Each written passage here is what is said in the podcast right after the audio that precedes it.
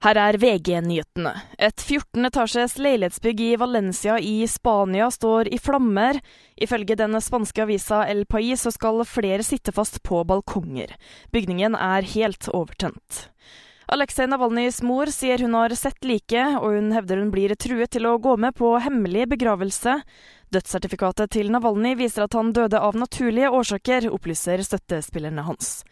Det ble utført systematiske voldtekter og overgrep under angrepet til Hamas 7.10. Det hevder en israelsk rapport. Israelsk politi sier dette spenner fra gruppevoldtekter til likkjending, og ifølge rapporten kan enkelte tilfeller av voldtekt ha blitt utført foran partnere, familie eller venner. En rekke aviser, inkludert The New York Times, har avdekket at flere seksuelle overgrep fant sted under angrepet der rundt 1200 israelere ble drept. Hamas har tidligere avvist slike påstander.